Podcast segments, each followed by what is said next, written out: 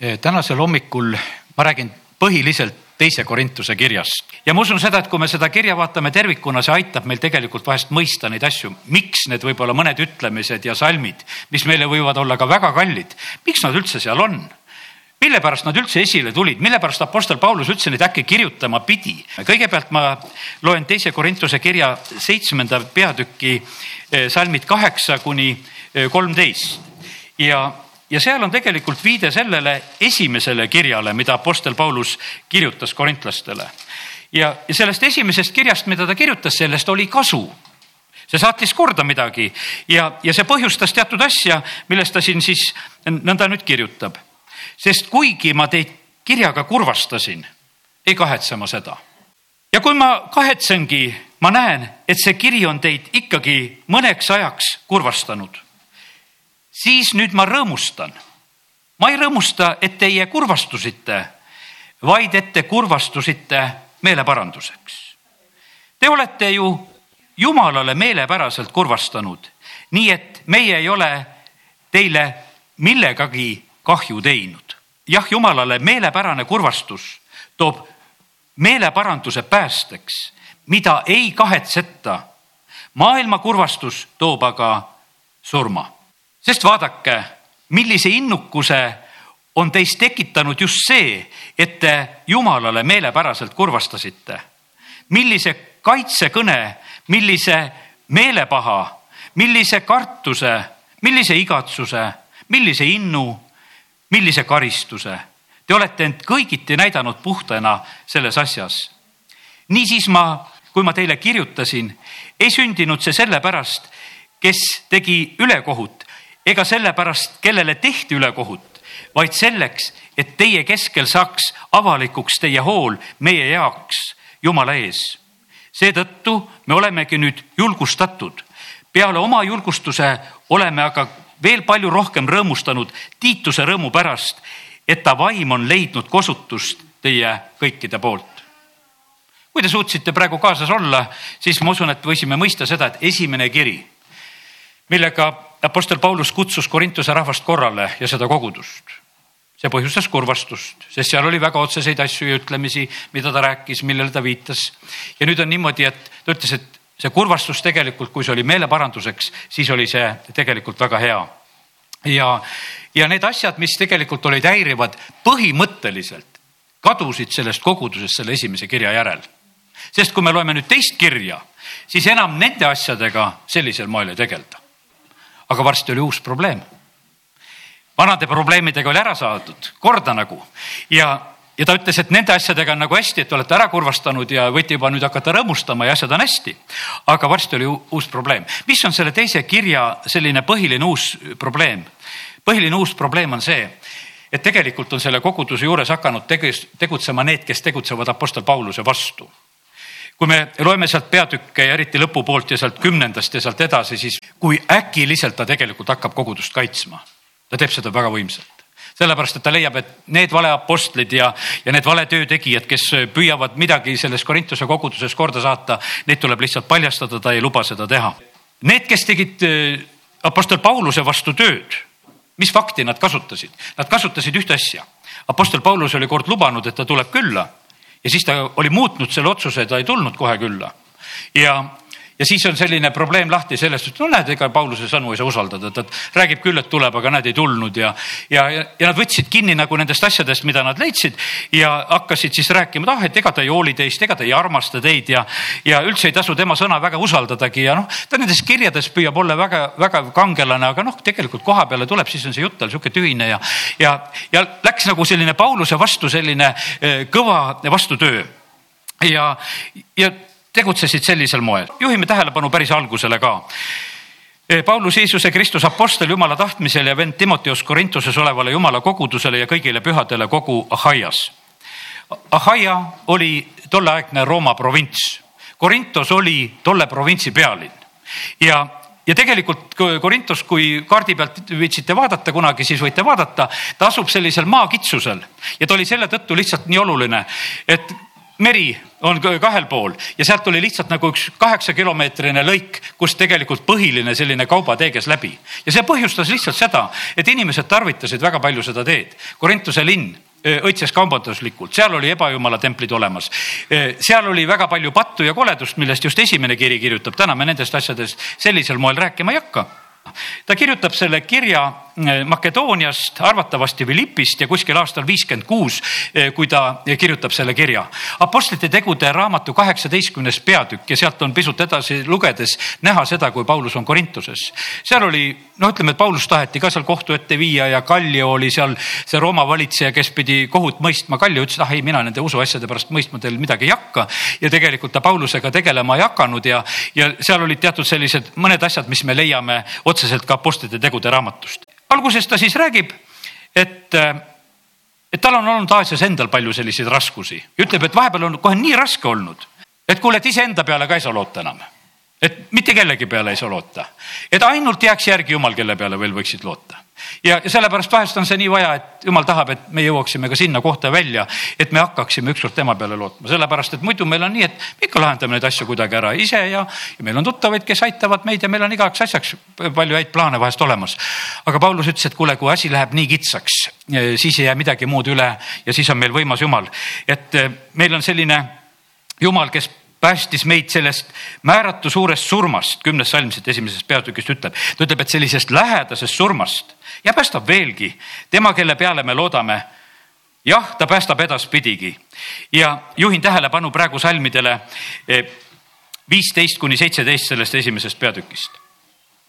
jah, selle meelekindlusega eh, ma tahtsingi esmalt tulla teie juurde, et te saaksite teistkordselt armu ja teie kaudu matkata Makedooniasse ja Makedooniast tulla tagasi teie juurde ning lasta teil mind saata teele Juudamaale.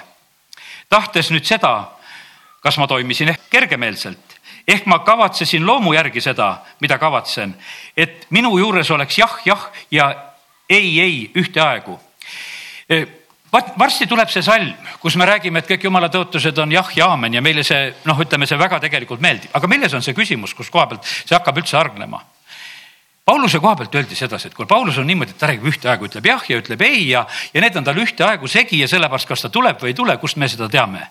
no meil võib olla selliseid inimesi, kelle sõna ei saa usaldada, aga Apostel Paulus ütles, et ei, et, et see ei ole minu juures, et ärge arvake, et ma olen seda teinud kuidagi lihas. minu juures ei ole nii, et, et on ühtaegu jah, jah ja ei, ei ja, ja sellepärast ta väga julgelt nagu väitleb sellele asjale vastu ja, ja ütleb, et nii see ei ole.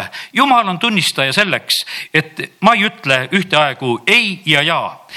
ja, ja siis tuleb see üheksateistkümnes äh, salm, sest Jumala poeg Jeesus Kristus, keda meie, mina, Silvanius ja Timetus oleme teie seas kuulutanud, ei olnud jah ja ei, vaid temas oli jah.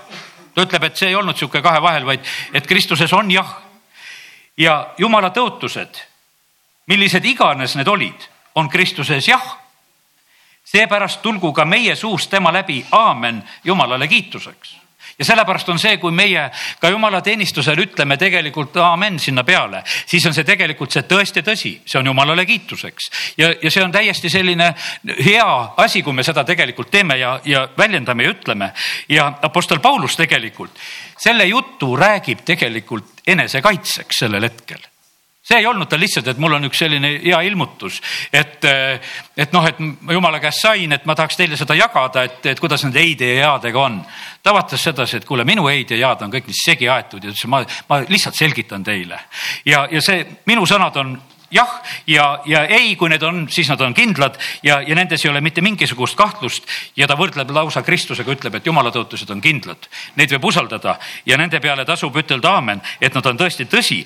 ja kui me seda teeme, siis me saame sellest eh, õnnistust. teine kiri, nii nagu ütlesin seda, et ta on paljuski selline Apostel Pauluse isiklik pöördumine Korintuse koguduse poole. ja ta räägib enda kaitseks, oma teenistuse kaitseks ja nende valede ja, ja nende väidete vastu, eh, mida siis selles paigas oli hakatud nagu kuulutama ja rääkima. ja ta on isegi plaanimas, et ta tuleb kolm korda, kui me vaatame eh, tagant piiblikaarte, siis me näeme, et kaks missioonireisi on Apostel Paulus tegelikult Korintust läbimas ja sellised põhilised kolm osa ma lihtsalt toon te silmade ette veel ka. esimene osa ongi selline, et, et ta võib-olla tegeleb nende väidetega ja, ja toob ise ka teatud uudiseid ja toob tänu ja, ja räägib neid asju. üks selline lõik, kaheksas kuni üheksas peatükk, ma usun seda, kord mõtlesin, et kas täna tarvitakse, et kui me ohvri võtame kokku, see on selline ohvri võt-, kokkuvõtmise lõik. et me teeksime seda rõõmsasti ja, ja, ja noh, ja oleksime selleks valmis ja, ja külvaksime ja rohkesti saaksime. sellest kirjast õpetab seda ka. täna tegelikult me seda, seda lõiku üldse nagu põhimõtteliselt ei, ei puuduta ja kümnendast peatükist tuleb Apostel Pauluse selline väga terav isiklik jutt, mida ta räägib, ta manitseb väga karmilt neid valeapostleid, kaitseb oma nägemust, mida ta on jumala käest saanud ja ütleb, et meil tuleb iseennast läbi katsuda, et kas meie sees üldse Kristust on.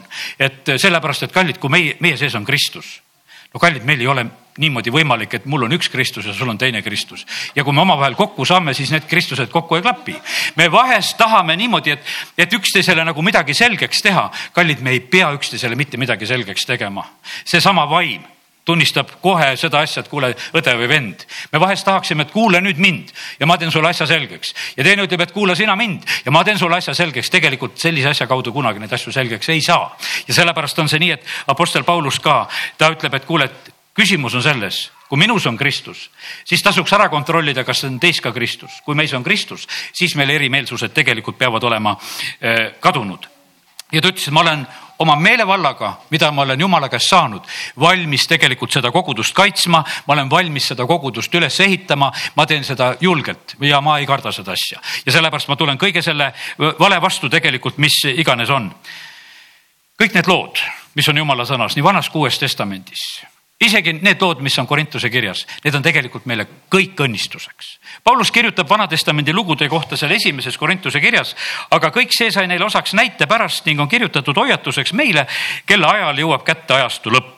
ja, sellepärast need Vana-testamendi lood on praegusel ajal tegelikult olulised lood aastatuhanded on möödas. nüüd praegu täna, mida meie, see kiri, mida me loeme, no kullakesed, viiekümne üheksandal aastal kirjutatud kiri, eks.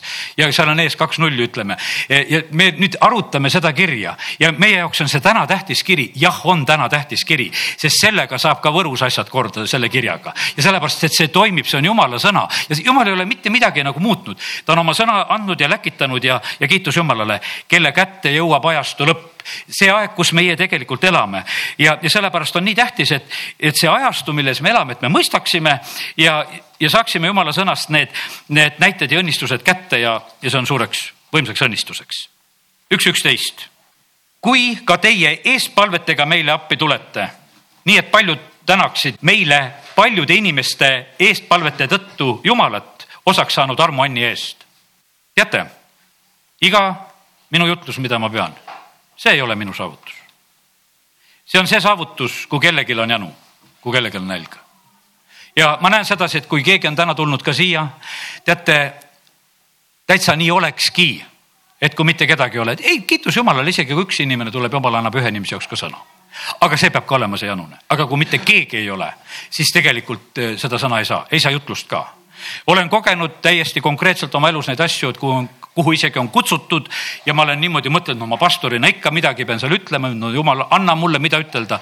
no ei anna olen kohale jõudnud, olengi teada saanud, et tegelikult ei tahetudki rohkem näha, et pastor käis läbi ja, ja sõna noh, ei, ei olnudki plaanis ega ei viitsitudki kuulata. ja aga need kohad alati, kus on tegelikult on janu ja sellepärast on kallid, suurem asi on see tegelikult, mida teie välja küsite ja teate, kuidas teie ka pühapäevaks ette valmistate, kui te ütlete, et jumal, ma olen näljane, janune, ma tahaksin saada, jaga mulle, kata mulle, siis tegelikult jumal paneb selle asja tööle. teate, kuidas on see niimoodi, et kaevu tuleb värsket vett siis, kui sellest kaevust vett võetakse. ja kui sellest kaevust vett ei võeta, seal on seisev vesi ja kellel on sihukene kaev, kus sa saad sealt kaane vahelt sisse vaadata ja kui seal on seisev vesi, ega see sulle väga ei meeldi. sulle meeldib seda, kui seal on värske vesi ja sellepärast on see niimoodi, aga et seal oleks värske vesi, siis tuleb sealt juua, tuleb sealt ammutada ja sellepärast on täna ka, et kui teie siit joote ja ammutate, siis see hoiab selle allika värske ja selle kaevu värske, aga kui see jääb selliseks, et mitte keegi sealt ei võta, siis teate, seal kaevus veetase ei tõuse. kaevus veetase ei tõuse, ta tõuseb teatud tasemeni, aga nii kui sealt ära võetakse, tuleb uus juurde nii see käib, see kaevutehnika. ja, ja sellepärast on see täpselt nii, et me võime juua, see otsa ei saa ja sellepärast kiitus Jumalale, et, et Paulus ütles ka, et see eespalvete mõju, eh, see on niivõrd oluline, et paljud tänaksid eh, meile paljude inimeste eespalvete tõttu jumalalt osaks saanud armuanni pärast, et isegi see armuand, mis mul on, saab paljude inimeste eestpalvete ja igatsuse tõttu. kui on paljud, kes soovivad, kes soovivad sõna, jutlustajad hakkavad jutlustama, õpetajad hakkavad õpetama, tervendajad hakkavad tervendama, sellepärast et jumal paneb need andid lihtsalt tööle. aga kui seda ei ole, kui seda usku ei ole, siis on niimoodi, et jumal ei pane neid andisid tööle jumal teab ta väga täpselt, mida ta peab sisse lülitama, mida on tarvis, millise igatsusega tullakse ja sellepärast, kallid, peame seda meeles, et niivõrd oluline roll on tegelikult alati, kui kuskil koguduses läheb hästi, siis tähendab, on seal hea rahvas mitte, et on hea pastor, vahest tahetakse nii segi, öeldakse, et seal on hea pastor, ei pea olema see pastor nii hea. seal peab olema see hea rahvas, kes tegelikult võtab. isegi kõige parem pastor ja karjane läheb Natsaretti ja ta ei saa seal mitte midagi teha. no mis oli Jeesusel viga? ta ei saa seal mitte midagi teha väheste haigete peale sai käed panna ja ta ei saa midagi teha, sest janu puudus, usk puudus. no kuule, see meie küla poiss nüüd tuleb, no mida tal ütelda ja rääkida on. esimest korda, kui ta peab esimese jutluse, lükatakse kogudusest välja ja tahetakse veel mäerünkalt alla ka lükata. kuule, seda, seda me küll kuulama ei hakka, tundub küll, et nii vägevalt räägib, aga tegelikult oli selline äralükkamine ja sellepärast, kallid, kui me ära lükkame, siis me ei saa see ootus põhjustab voolu ja, ja sellepärast olgu see nii, et olgu see ootus siin lakkamatu. ma usun sedasi, et natukene on meile lisandunud ootust selle kaudu, et osad kuulavad meie jutluse interneti kaudu. Ja ka nemad kisuvad, ka nemad saavad tegelikult välja kiskuda ja olgu, olgu nemad ka väga õnnistatud, sellepärast et, et näiteks pastor Andrei Zapovalov on noh, tuhandetele jutlustav inimene, aga ta enda ees on suhteliselt väikene kogudus kui ta seal Ameerikas kokku tuleb. aga tal on tuhanded inimesed tegelikult, kes interneti kaudu tõmbavad seda sõnumit ja üks, mina olen nendest, kes ma sageli just kuulan ka praktiliselt iga pühapäeva jutluse ja ma kuulan ikka neid sõnumeid ka, mida ta jagab, aga see, see tõmbab jah, saime käia Tallinnast Vigatelis vaatamas, kui ta oli siin Eestimaal kohal ja oli tore hetk, kui ta, saime seda koosolekut seal külastada. aga kiitus Jumalale, et Jumal paneb voolama kasvõi Ameerikast, kui keegi on janunemas, siis need allikad töötavad. nii et ära unusta seda oma rolli ja osa.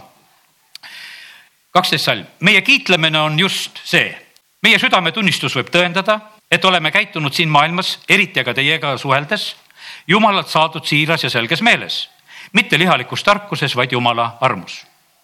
ma ei kirjuta teile midagi muud peale selle, mida te siit loete, ehk ka mõistate, ent ma loodan, et te kunagi täielikult mõistate seda, mida te praegu vaid osaliselt olete mõistnud, nii et te võite meie issanda Jeesuse päeval kiidelda meist, nagu meie kiitleme teist. väga vägev, mida Paulus siin ütleb. ta ütleb sedasi, et minu jutt on nii siiras. mul ei ole mitte ühtegi konksu ega kavalust, mul ei ole mitte ühtegi maski, nii nagu ma räägin, nii ongi. ma usun sedasi, et me kogeme alati ära inimestega, et mõne inimesega räägid kohe tema iseendaga teisega räägid nagu kuskil, et, et kuskil ongi nagu see inimene, aga sa ei saa aru, et midagi on nagu vahel, midagi vahest nagu segab, et suhtled, päris aru ei saa. teisega on kohe nagu selge, vaata, kui on hästi siiras, no siis on niimoodi, et siis on väga lihtne suhelda, sest siis saad aru, et inimene tuli, inimene rääkis, inimene läks, sa ei pea pärast mõtlema, et no mida ta rääkis ja miks ta nii rääkis ja mida ta tegelikult mõtles. Ja, ja mida, miks ta selle asja tegi. ja, ja sellepärast Apostel Paulus ütles, et aga mina kirjutan niimoodi, et kui te seda loete, siis ärge hakake püüdma sealt ridade vahelt midagi välja lugeda. ma kirjutasin täpselt seda, mida ma kirjutasin, mida teie siit loete, seda ma kirjutasingi, ma ei kirjuta mitte midagi muud.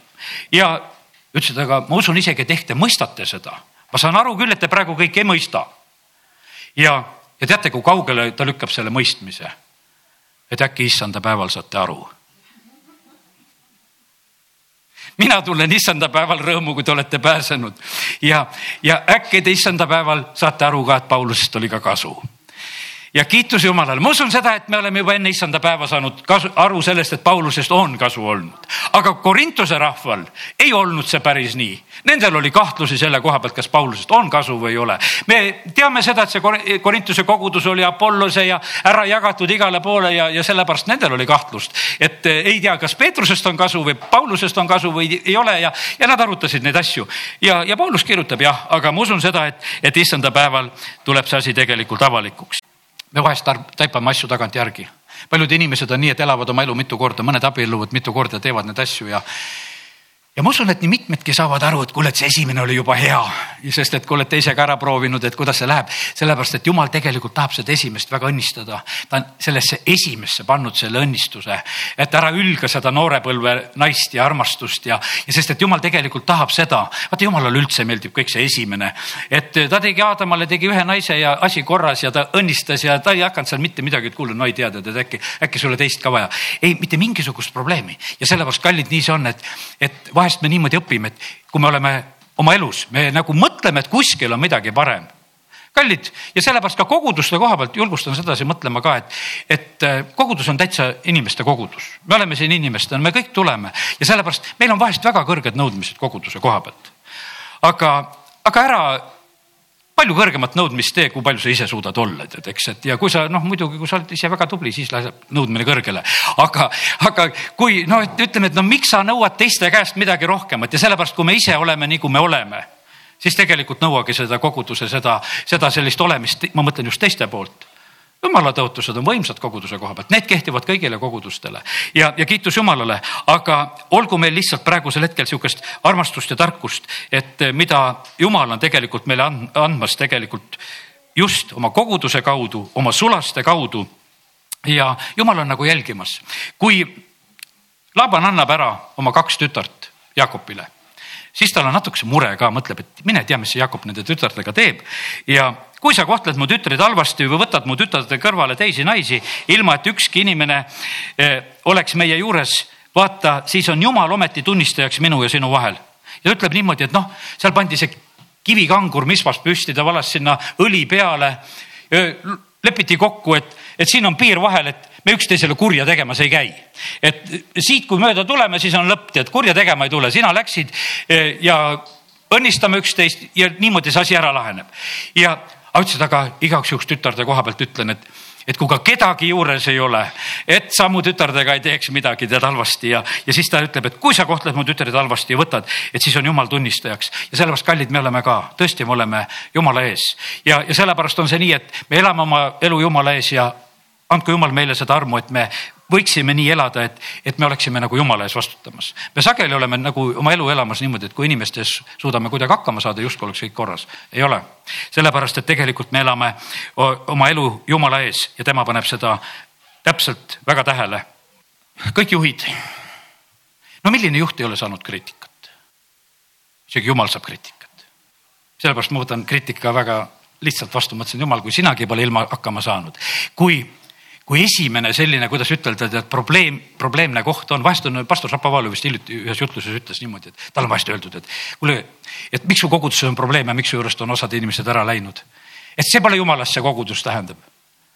ütles, et kuule, kolmandik ingleid läks taevast ära ja kas taevas ei olnud jumala töö siis või? et kellel siis seal probleemid olid? sellepärast, kallid, jumal on andnud meile vaba tahte ja me võime kõike teha, aga ja jumal on andnud selle vaba tahte ja sellepärast me võime kõike teha ja sellepärast on see nii, et ärme eksime, me vahest nagu mõtleme sedasi, et kui meie teeme mingisuguse käigu või asja, et see hindab kogudust. ei, see ei hinda kogudust. kogudust ehitab issand ja, ja sellepärast meil on au tegelikult olla selle koguduse juures. Mooses üle nuriseti, Taaveti üle nuriseti Neemiat kiusati, no ei ole, tegelikult me ei leia piiblist ühte juhti, kõikidele tuldi kallale. Ja sellepärast on öeldud, et koguduse karjaseid tuleb hoida kahekordse au sees. selle, sellepärast, et noh, seal on teada, et kahekordne rünnak on niikuinii nende peale, et seal ei ole mitte mingisugust pääsu. Ja sellepärast jumala sõna on pannud juba kõik need asjad selliselt paika. Ja sellepärast, kallid, ärme, ärme eksime nendes asjades, sellepärast et, et nii, nii see paraku on. aga vaenlane on väga oskuslik, sest see kiri, millest me täna nüüd räägime, seal oldigi, tuldi Pauluse autoriteedi vastu ja, ja sellepärast Paulus ütles, et ma tahtsin tulla teie juurde sellise eh, meelekindlusega ja et pakkuda teile justkui seda armu eh, teistkordselt. Paulus oli tegelikult väga julge mees, ta ütles, ma tean, kellesse ma usun, ma olen kindel selles asjas, ta oli veendunud nendes asjades, ta oli veendunud ja julge, ta teadis seda, et tema võitmine on jumalalt. Ta teadis, et need pühavaimannid on jumala käest talle antud, need on käsirahaks ta kätte antud ja ta väga julgelt tegelikult äh, käitub. kakskümmend kolm salm sellest esimesest peatükist ütleb, et aga aga et ma olen vahepeal teid natukese säästnud ka, et ma ei ole kohe tulnudki teie juurde, sellepärast et vahest on see niimoodi, et, et see jumala kohale tulek on tegelikult nagu armuaja lõpp. ja sellepärast oli see nii, et, et ega kui Peetrus on seal ja ütleb, et Ananias ja Zafira, mis te niimoodi seal teete? tegelikult on see väga raske asi. ta ütleb, et ma olen praegusel hetkel kaugemal, aga minagi kutsun Jumala tunnistajaks oma hinge vastu, et ainult teie säästmise pärast ei ole ma enam eh, Korintusesse tulnud ja see pole nii, me ei taha ju olla isandad teie usu üle. usus te püsite niigi, vaid me tahame olla kaasosalised teie rõõmus. Ja, ja sellepärast Apostel Paulus võtab üsna armastuse ja rahuga neid inimesi, keda issand oli Korintuses päästnud. Teise peatüki alguses ta räägib nendest inimestest, keda oli tema ka siis nagu kurvastanud oma kirjaga ja, ja seal, eks seal neid kurvastumisi oli omavahel äh, nii ja teistpidi tegelikult olnud ja need esimesed neli salmi tegelikult siin teises peatükis annavad üsna sellise delikaatse armastuse väljenduse. ja ma tegin ju endamisi sellise otsuse, et ma ei tule taas teie juurde kurbuses ja sest kui mina teid kurvastan kes teine siis rõõmustaks mind kui see, keda ma olen kurvastanud. ta ütleb, et ta tunneb kõige rohkemat rõõmu sellest, et kui see inimene, keda ta on kurvastanud, see, selle inimese kaudu saab uuesti rõõmu tunda ma mäletan seda, et kui ma koguduse tööle tulin, isa ütles mulle prohvetlikult kaasa need sõnad, et ära karda, et kellega sa tülli lähed, nendega sa saad sõpradeks. ja, ja sellepärast mina ei ole kartnud nagu, nagu sellises vastuolus olla, sest et, et tegelikkuses, kui sa ütled tõde ja ütled seda armastuses, siis see on õnnistuseks ja abiks. ja, ja sellepärast ütleb, et ma tahaksin tegelikult rõõmu tunda just nendest inimestest, keda ma olen korrale kutsunud. no ei hakka täna arutama, kes seal esimeses kirjas oli. ta lõpetab selle, et kui väga ma teid armastan, et te vaid mõistaksite, kui väga ma armastan teid. neljas salm lõpeb sellega. niisugusele piisab noomimisest ta ütleb, et kui mõni on oma kurvastuses ja kus teda on manitsetud ja noomitud ja, ja tead, et vahest see kurvastus võib päris ära matta selle inimese. ja et kurvastus ära ei neelaks selliseid inimesi, nendele tuleb andestada, et eh, kurvastus ära ei neelaks ja julgustage teda. ja kaheksas salm. seepärast ma palun teid osutada armastust tema vastu. ma palun teid osutada armastust tema vastu. see on tänase jutluse pealkiri.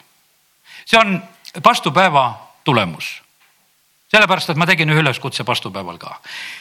ma palun teid osutada armastust tema vastu. ma palun teid osutada armastust tema vastu. selleks ma ju kirjutasingi, et teid läbi katsuda teie meelsust, kas te kõiges olete kuulekad.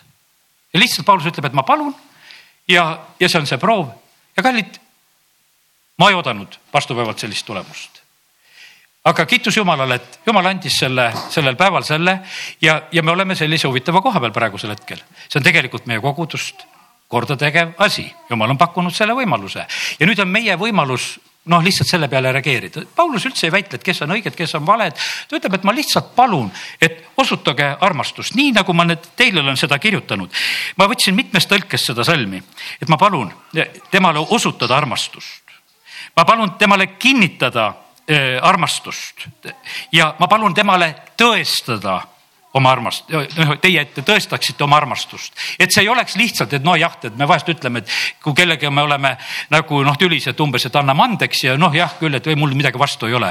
tegelikult Apostel Paulus ütleb, et ma palun, et, et selles oleks tõestus, et see, selles oleks nagu see tegelik esiletulek ja ma väga palun seda ja ta ütleb sedasi, et, et ma selle kirjutasingi, et läbi katsuda, et nagu selgitada selle katse peal. tead, kallid, see on katse. see on täpselt nii, nagu jumal ütles Moosesele, et ütle kaljule või Mooses lõi.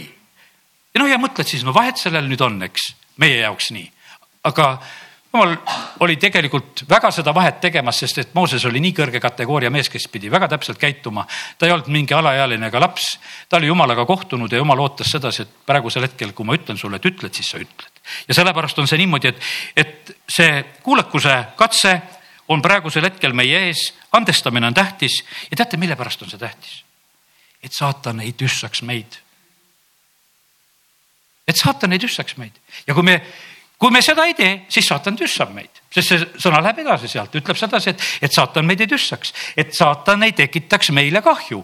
Ja vaata seda kahju mina kogudusele ei taha. Ja sellepärast, kui jumal on andnud sõna, siis on see meie variant ja võimalus saat, saada saatana eh, tüssamisest lahti. Ja et ta ei saaks meile kahju teha. kiitus Jumalale, et Jumal avab tegelikult neid asju. Ja sellepärast olgu see nii, et me täna seda mõistame ja võtame seda vastu ja, ja selleks on vaja tegelikult üsna sellist alandlikku meelt. mul olid mõned head märgid sellel nädalal. sest ma nägin sedasi, et, et siin mõned ajad tagasi läks mul ühe või teise inimesega teravaks, üks juba helistas ja leppis, ütles, et kuule, anna andeks, kuule, öösel ei saanud ka magada, ma helistan sulle ja, ja tead ta,, täna tahan pühast lauast ka osa võtta. see ei ole siit linnast inimene, hoopis kaugemalt, isegi kaugemad oskavad minuga tülitseda. ja, ja, ja, ja sellepärast ütlesin, ma tahan lihtsalt täna minna püha laua juurde, ma tahan asjad ära leppida, et kuule, teeme selle asja nii see oli mulle nagu üks rõõmus uudis, kui ma praegu seda, täna olen seda jutlust ja eile olen just ka ette valmistanud, et tegelikult jumal saab, kes parandavad meelt, seal saavad asjad korda. Ja kes meelt ei paranda. no seda meeleparandust ei sunnita mitte kunagi vägisi. Meil on, meil on vaba tahe. Ja sellepärast on see nii ka, et, et Apostel Paulus kirjutab selle kirja, ta ütleb, et see võimalus on teie ees ja te võite seda tegelikult ära, ära kasutada. Ja, ja kutsub lihtsalt julgelt selle peale üles. hea küll ma usun, et see oli küllalt selge jutt, jätan selle selle koha peale. teate, meil võib olla kaks lõhna. me ei saa kahesugust vilja kanda. aga meil võib olla selline lõhn, et meil on hea lõhn ja meil on selline surmalõhn. kes me oleme jumala lapsed, meil on kaks lõhna. ühtede jaoks me oleme ehmatus ja kallid, see on normaalne, kui sul on ainult üks lõhn, siis hakka kontrollima, mis jama sul on. sellepärast, et põhimõtteliselt see nii peab olema. meie Jeesus oli selline, keda armastati väga võimsalt, mõni oli valmis oma aastapalga tema peale ka valama. Ja teised olid nii vihkamas, et tapame ära. Ja sellepärast, kallid, me oleme Kristuse moodi, me ei saa siin mitte kergemat elu elada. Ja sellepärast me ei saa niimoodi elada, et me oleme kõikide sõbrad siin selles maailmas ja, ja kõik meid armastavad ja kõik takka kiidavad. Need on need liberaalsed, kes kuskil mingisugust piiri enam ei ole. Ja seal, no seal, mis armastusegi enam järgi on jäänud. Ja sellepärast, kallid, nii me oleme siin selles maailmas, me oleme tegelikult kuskil oleme hea lõhn, kuskil oleme oodatud ja teises kohas ei ole absoluutselt oodatud. ja see on ühe, ühe rahva ja koguduse keskel. ma olen näinud seda ka lihtsalt samamoodi, et lihtsalt liikudes jumala rahva keskel, kes annab mulle kätt ja kes ei anna mulle kätt. pärast seda ma mäletan eriti, kui kaks tuhat üksteist käisin telekas ja tunnistasin seal jumala sõna, siis osad olid šokis, et nii, nii rumal räägib seal jumala sõna ja, ja teised ütlesid, et kuule, see on mu elu ilusam õhtu, et me võisime näha, et sa seal julgelt rääkisid jumala sõna ja, ja täpselt nii, et ma nägin, kuidas kahte lehte, sest mul oli ühel suurel kogunemisel eh, pärast seda parasjagu just olla ja, ja siis ma nägin sedasi, et no siis vaadati, mõnede jaoks olid puhta rumal ja teiste jaoks olid õnnistus. ja sellepärast me olemegi nii, me oleme kahte asju ühe korraga ja, ja sellepärast ärme meie seda häbene. Eh, kui sa oled valgus siis juhtub nii, et äh, valguse juurde on kaks võimalust, eks, kes teeb tõtt, tuleb valguse juurde, et oma teod saaksid avalikuks, sest need on jumalast tehtud. ja, ja kes teeb halba, vihkab valgust, ei tule valguse juurde, et ta tegusid ei paljastataks ja sellepärast on niimoodi, et kui me oleme valgus, siis meil on kaks efekti osad tahavad olla, osad tahtsid Jeesusega olla, teised ei tahtnud, teised tahtsid ära tappa. ja sellepärast Apostel Paulus, ta ütleb, et tegelikult minu motiiv on väga puhas ja siiras. ja, ja sellepärast tema ütles, et mul ei ole mitte mingisugust kavalust ega plaani, kui ma olen teile kuulutanud ja rääkinud ja, ja, ja sellepärast tema tegi sellise südamega tööd. ära kavatse kurja oma ligemise vastu, kui ta elab usaldavalt su juures ära kavatse kurja, see on õpetuse sõnad kolm kakskümmend üheksa. ära kavatse kurja, sest kui su ligemine elab usaldavalt su juures, siis ära sina tee. sul ei tohi olla mitte mingisugust teist salamõtet juures, et kuidas on, ärme kasutame ära oma õdesid-vendasid, ärme kasutame ära lihtsalt sedasi, et keegi oskab midagi teha, et keegi oskab autosid remontida ja teine tohi, oskab torusid parandada ja, ja mis iganes, noh, ma ei hakka kaugemale lugema. ja, ja, ja selle ja sellepärast on see niimoodi, aga seda ei tohi ära kasutada sest et jumal tegelikult on neid asju nägemas. Ei tohi ära kasutada, see toob pahanduse tegelikult majja, seda ei tohi, ei tohi olla teha. Ja sellepärast on niimoodi, et ära kavatse kurja oma ligemese vastu. Ja kui me seda ei tee, siis tegelikult oleme eh, ka väga õnnistatud. kolmas peatükk on tegelikult reklaam eh, Paulusele ta ütles, et ma ei vaja enam mitte mingisugust soovituskirju, ma ei vaja mingit jälle uuesti tutvustamist teile, vaid see, mida me oleme teinud, see on jumala vaimu läbi kirjutatud teie südametesse ja kui midagi head selles koguduses on nagu sündinud, siis tegelikult on see esile tulnud selle töö kaudu, mida Kristus on teie sees teinud. ja sellepärast ta lihtsalt viitab nendele, ütleb, et, et mina ei pea ennast soovitama sellele kogudusele sest seal olid noh, ütleme need konkurendid olid, kes seal püüdsid eh, nagu seda kohta võtta ja siis Paulus ütles, aga mina ei pea soovitama. ma olen oma töö teinud ja ma lihtsalt usaldan praegusel hetkel Jumalat. neljas salm, niisugune usaldus Jumala vastu on meil, aga Kristuse kaudu. meil on siis selline lihtsalt usk eh, issandasse, me lihtsalt usaldame Jumalat. me oleme kindlad Jumalas, et mida meie omame eh, Jumalas Kristuse läbi meie kõlblikkus tuleb Jumala käest. meie teenimine on Jumala käest, meie vaimuannid on Jumala käest, meie jutlused on Jumala käest meil ei ole mitte kui midagi, me lihtsalt oleme seda tegemas, mida me teha saame. ta ütleb, et meie, meie see kõlblikkuse asi, see on tegelikult jumala käest.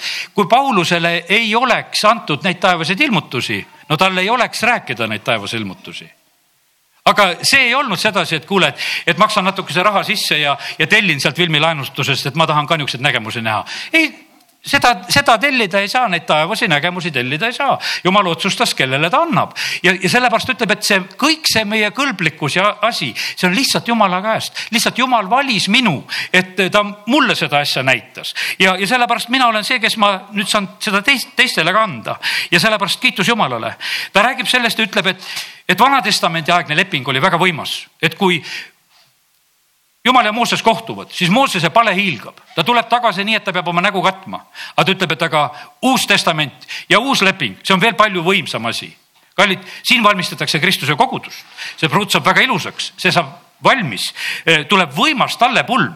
Eh, esimene asi tegelikult, kuhu meie sellises taevases olukorras läheme, on tallepulm meil on tegelikult väga suur valmistus. Ja, ja see asi on väga võimas, sellepärast jumala sõna ütleb sedasi, et, et siin lõpuajal on vaja neid uusi lähkreid, sellepärast et valatakse välja see parem vein. Ja, ja et need lähkrid ei läheks katki. Ja sellepärast asjad on tegelikult väga võimsad.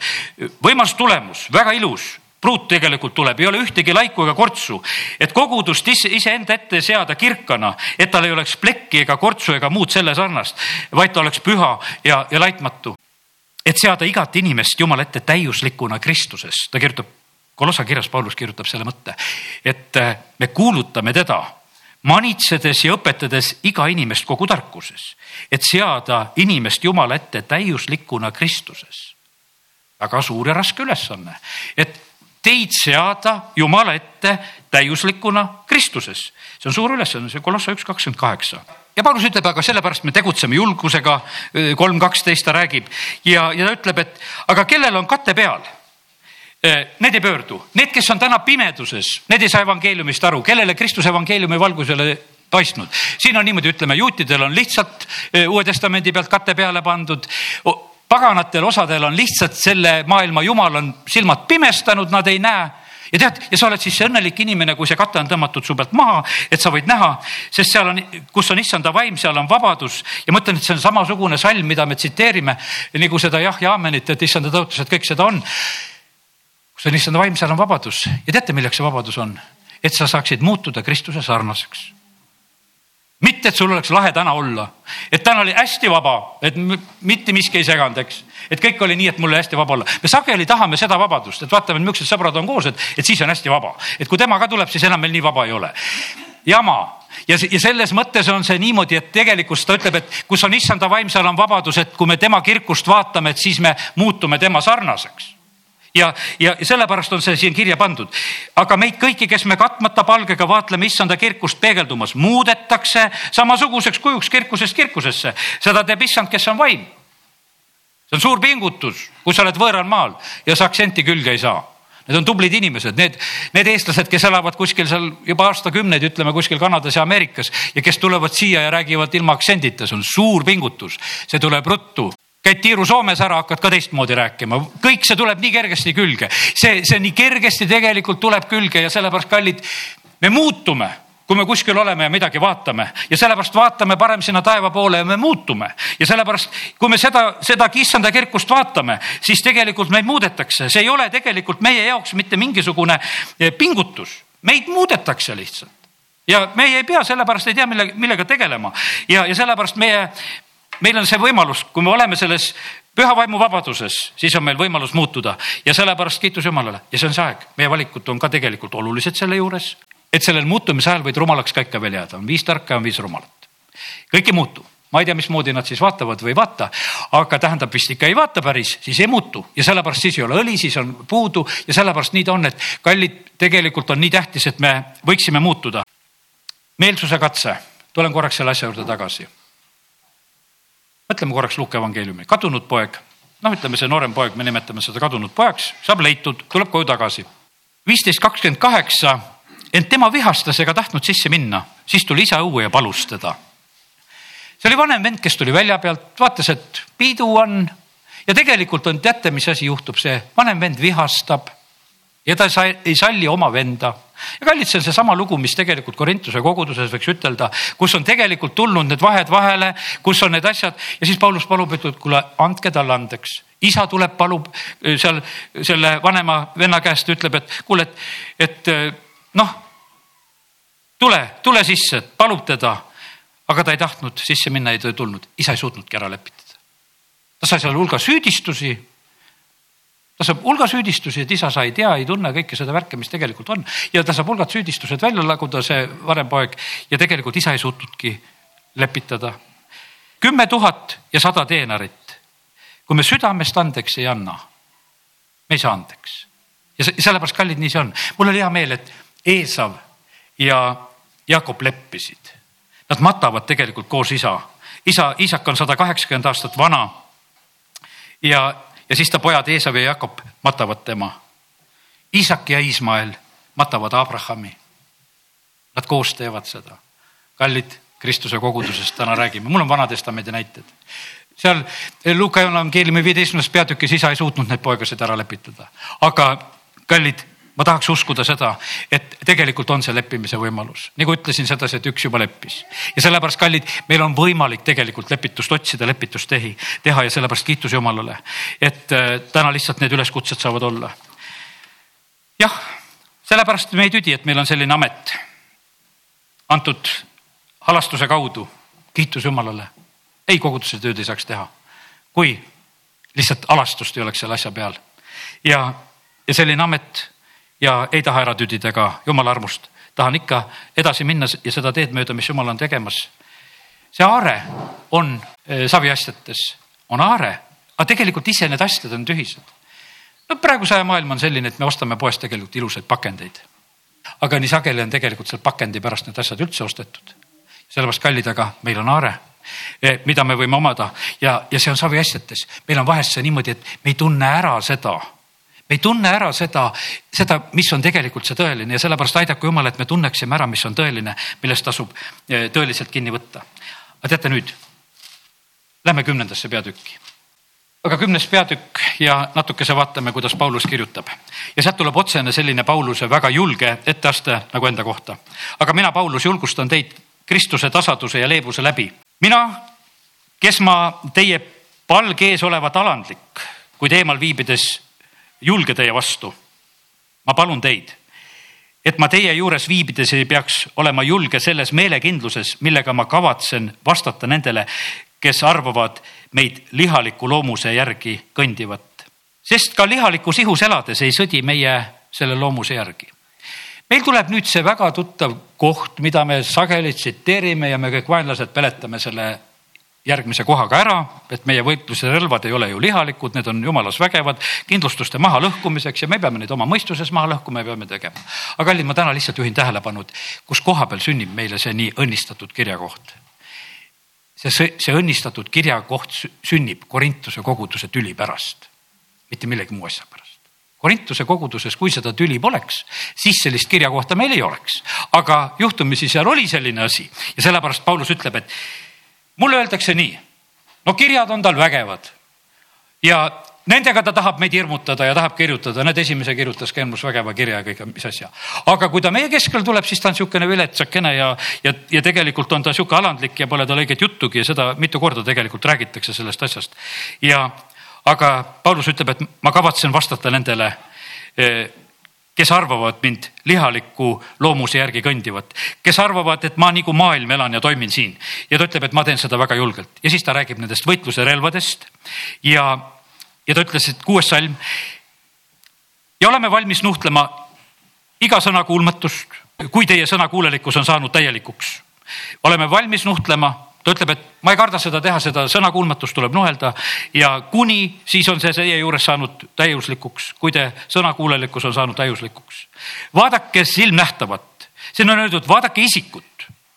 kui keegi on veendunud, et ta on Kristuse päralt, arvestagu siis ka seda eneses, nagu tema ise on Kristuse päralt.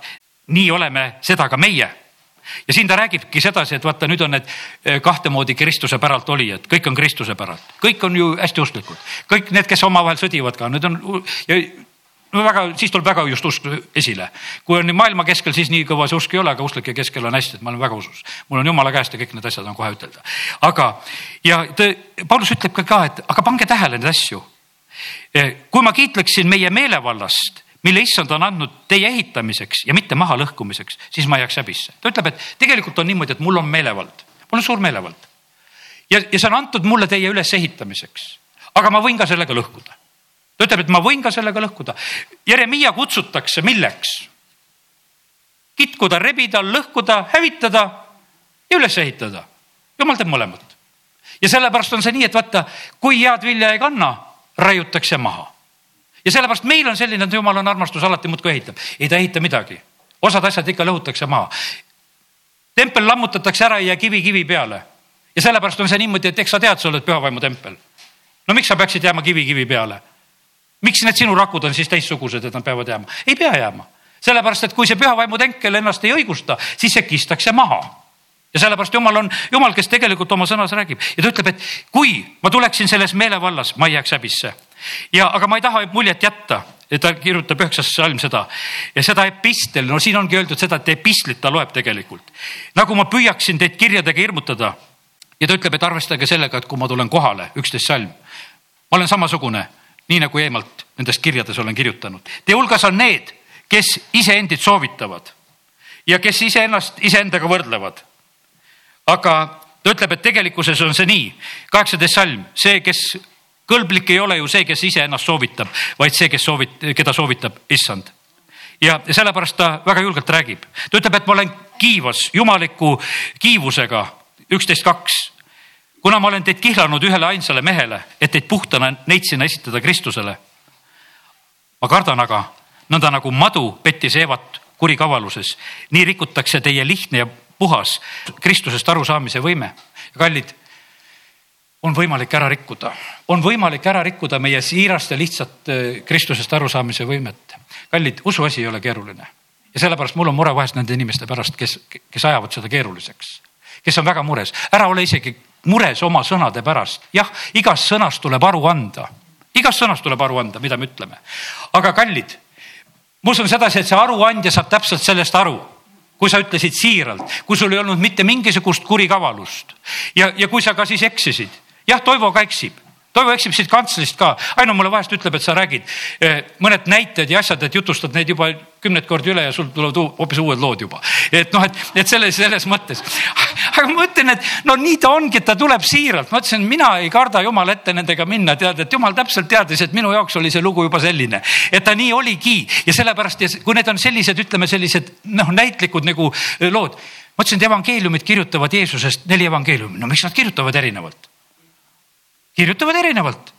näevad seda viie tuhande söötmist, osad näevad ühtemoodi, osad nägid teda haljas rohi, teised ei näinud seda. ja sellepärast, kallid, nii see on, et need lood võivad olla erinevad ja see, mida täna Toivo rääkis, no kuule, ma ei tea, mitu jutlust täna siit saab, sest et igaüks saite mida. Te võib-olla juba kuskil peatusite, võib-olla enam ei kuulagi sest juba mõni torge oli selline, et enam ei saagi edasi kuulata, eks, et noh, et ai-ai-ai, tead, mis ta täna mulle ütles, tead, eks.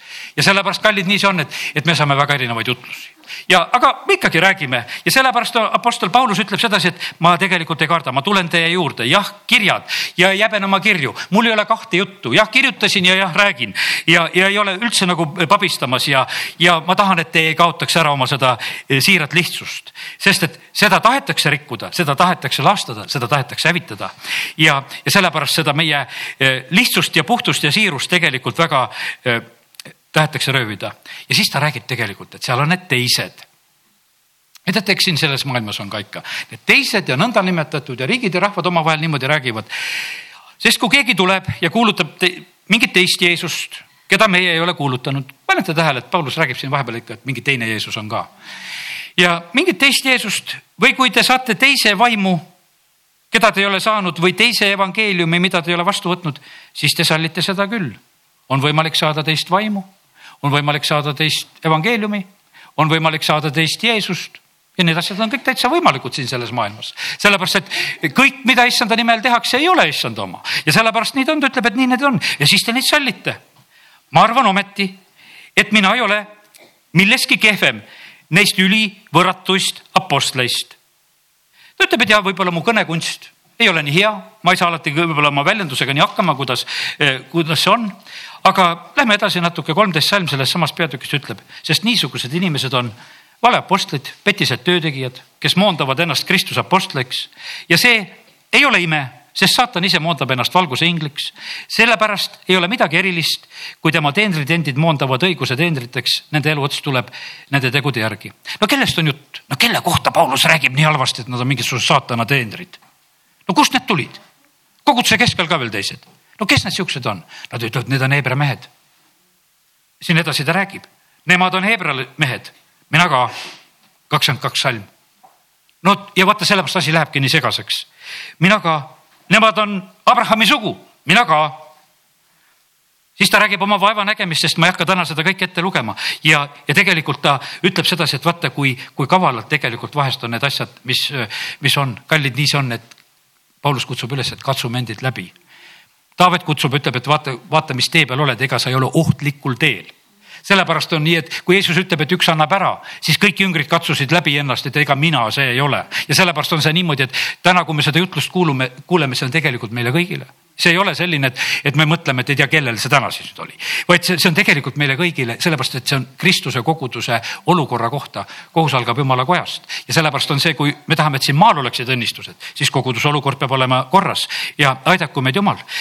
Siis ta räägib, et tal on ilmutused, need taevased ilmutused ja ütleb, et vaata, need ülisuured taevased ilmutused on tegelikult talle olnud selliseks, mille pärast tal on see vai ihus, nagu eesti keeles ütleme. või nagu see oga või nagu see nõel või nagu see kannus, mis on tegelikult eh, tema ihus, mis on teda tegelikult eh, torkimas ja ütleb, et need eh, noh, need, need tugevad ilmutused ja asjad, mis on temale osaks saanud, tegelikult on põhjustanud talle seda, et ta on ühes nõtruses. ma kolm korda issanda käest palunud, võta ära, no ei võta ära ja sellepärast, et oleksid alandlik. kallid, need asjad, mis aitavad meid alandlikud hoida, need on ikka tegelikult õnnistuseks. Apostel Paulus leppis sellega, ütles, et kuule, et kui see, see, kui see aitab alandlikuks teha. teate, alandlikuks tegemine ei ole kerge. eriti kui sa noh, ütleme, tunned ennast üsna hästi ja, ja kui sind äkki tehakse plaksuga alandlikuks. Mõned hetked mul on oma elus ka samamoodi niimoodi meeles. tead, aga see on tegelikult väga hea eneseleidmise koht sest sa tegelikult näed ennast, sa näed oma motiive, sa näed kõike seda ja sellepärast kiitus Jumalale, et, et Jumal on tegelikult armastusega eh, niimoodi meie juures eh, tegutsemas. ei jää sellest Pauluse vaiast ja okkast asjast rääkima, see oli talle selles mõttes õnnistuseks ja ta leppis sellega, et pigem olla alandlik. ta ütles, et nõtrusest saab vägi täie võimuse ja see Jumala plaani ei takista absoluutselt midagi. Apostlite tunnusteod, milline on apostel, mida apostel peab tegema? Apostel peab tegema tunnustähti, imesid ja vägevad teod, see on kaksteist, kaksteist.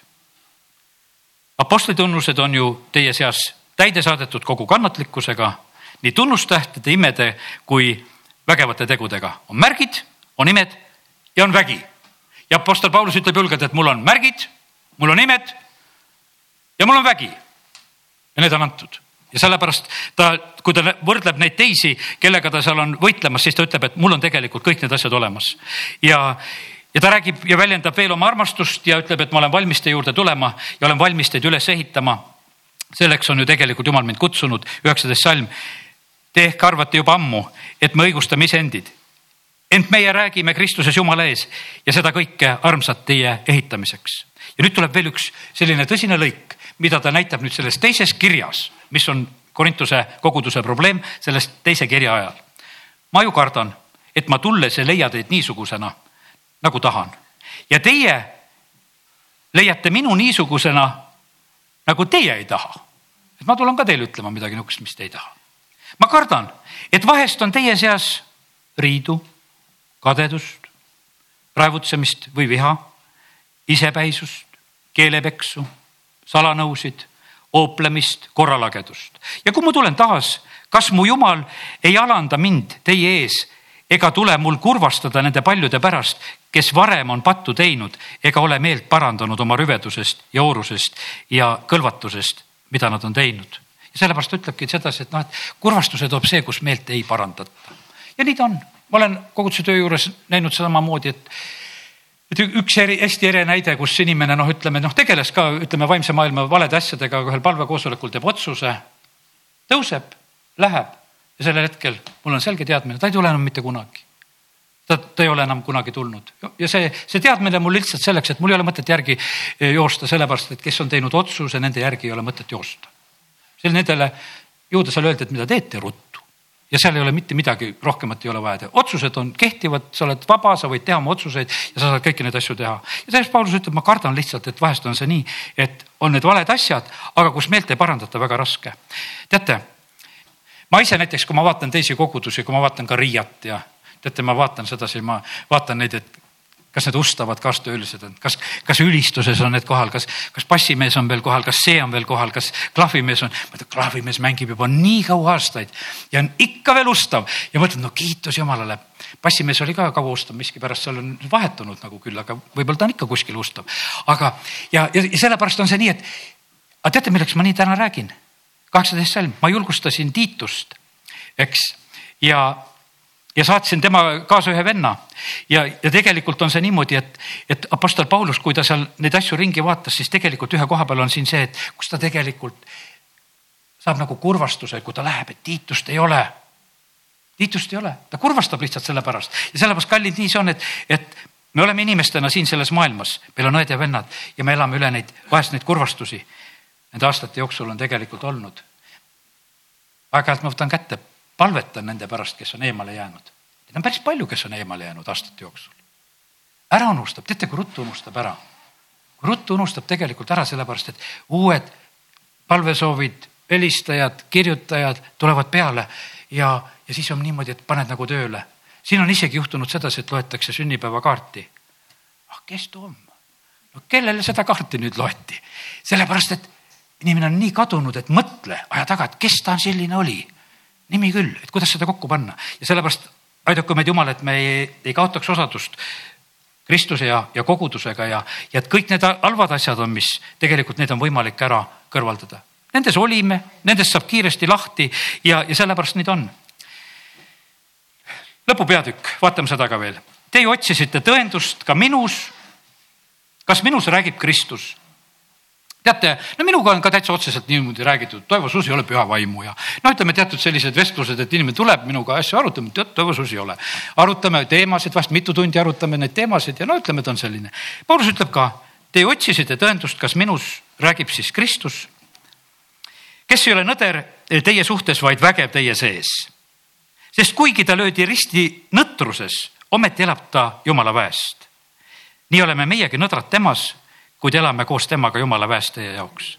ja sellepärast Apostel Paulus ütles, tead, ma võin võtta väga vaikselt, ma võin olla väga nõder, aga see vägi tegutseb. see ei ole minust. ma ei pea vehklema, ma ei pea seda tegema, see lihtsalt tegutseb, sellepärast see on lihtsalt olemas. ja siis ta ütleb, et katsuge endid läbi. kas te olete usus, pange endid proovile. või te ei tunne endast, et Jeesus Kristus on teie sees. kui ei, siis te olete ju kõlbmatud, aga ma loodan, et, et te tunnetate, et meie ei ole kõlbmatud. üheksas salm ja me, meid rõõmustab, kui meie oleme nõdrad, teie aga vägevad ja me palvetame, et teie asjad saaksid korda. Vene keeles on öeldud, et teie asjad saaksid täiuslikuks ja kümnes äh, salm ütleb seda, ma kirjutan seda eemal olles sellepärast, et ma teie juures olles võiksin seda meelevalda, mille issand mulle on andnud, kasutada ülesehitamiseks, mitte karmilt mahalõhkumiseks. ja vaata, sellepärast on see niimoodi, et, et me võime seda energiat ja jõudu, ma usun sedasi, et me oleme igas peres ja kodus saanud eh, kogeda sedasi, et vahest me teeme tühja tööd. kui on tüli majas, raiskad oma energia ära ja üles ehitada ei saanud sellel päeval. jõud läks ja sellepärast ei tohi koguduses minna niimoodi jõudu. me peame Kristuse kogudust üles ehitama, meil ei ole mõtet jõudu raisata, mis ei ehita ja sellepärast on ta nii, et ütleb, et, et ma tahaksin seda meelevalda, kui ma tulen, kasutada ülesehitamiseks, mitte karmilt maha lõhkumiseks. lõppeks, vennad, olge rõõmsad, seadke oma asjad korda ja laske endid julgustada, olge üksmeelsed, pidage rahu. küll siis armastuse ja rahu, rahu Jumal on teiega, siis on see armastuse ja rahu allikas teiega. nii et igatseme ikka seda kaevu, kus joome, alati saab sealt värsket, saab õnnistust ja rahu. amin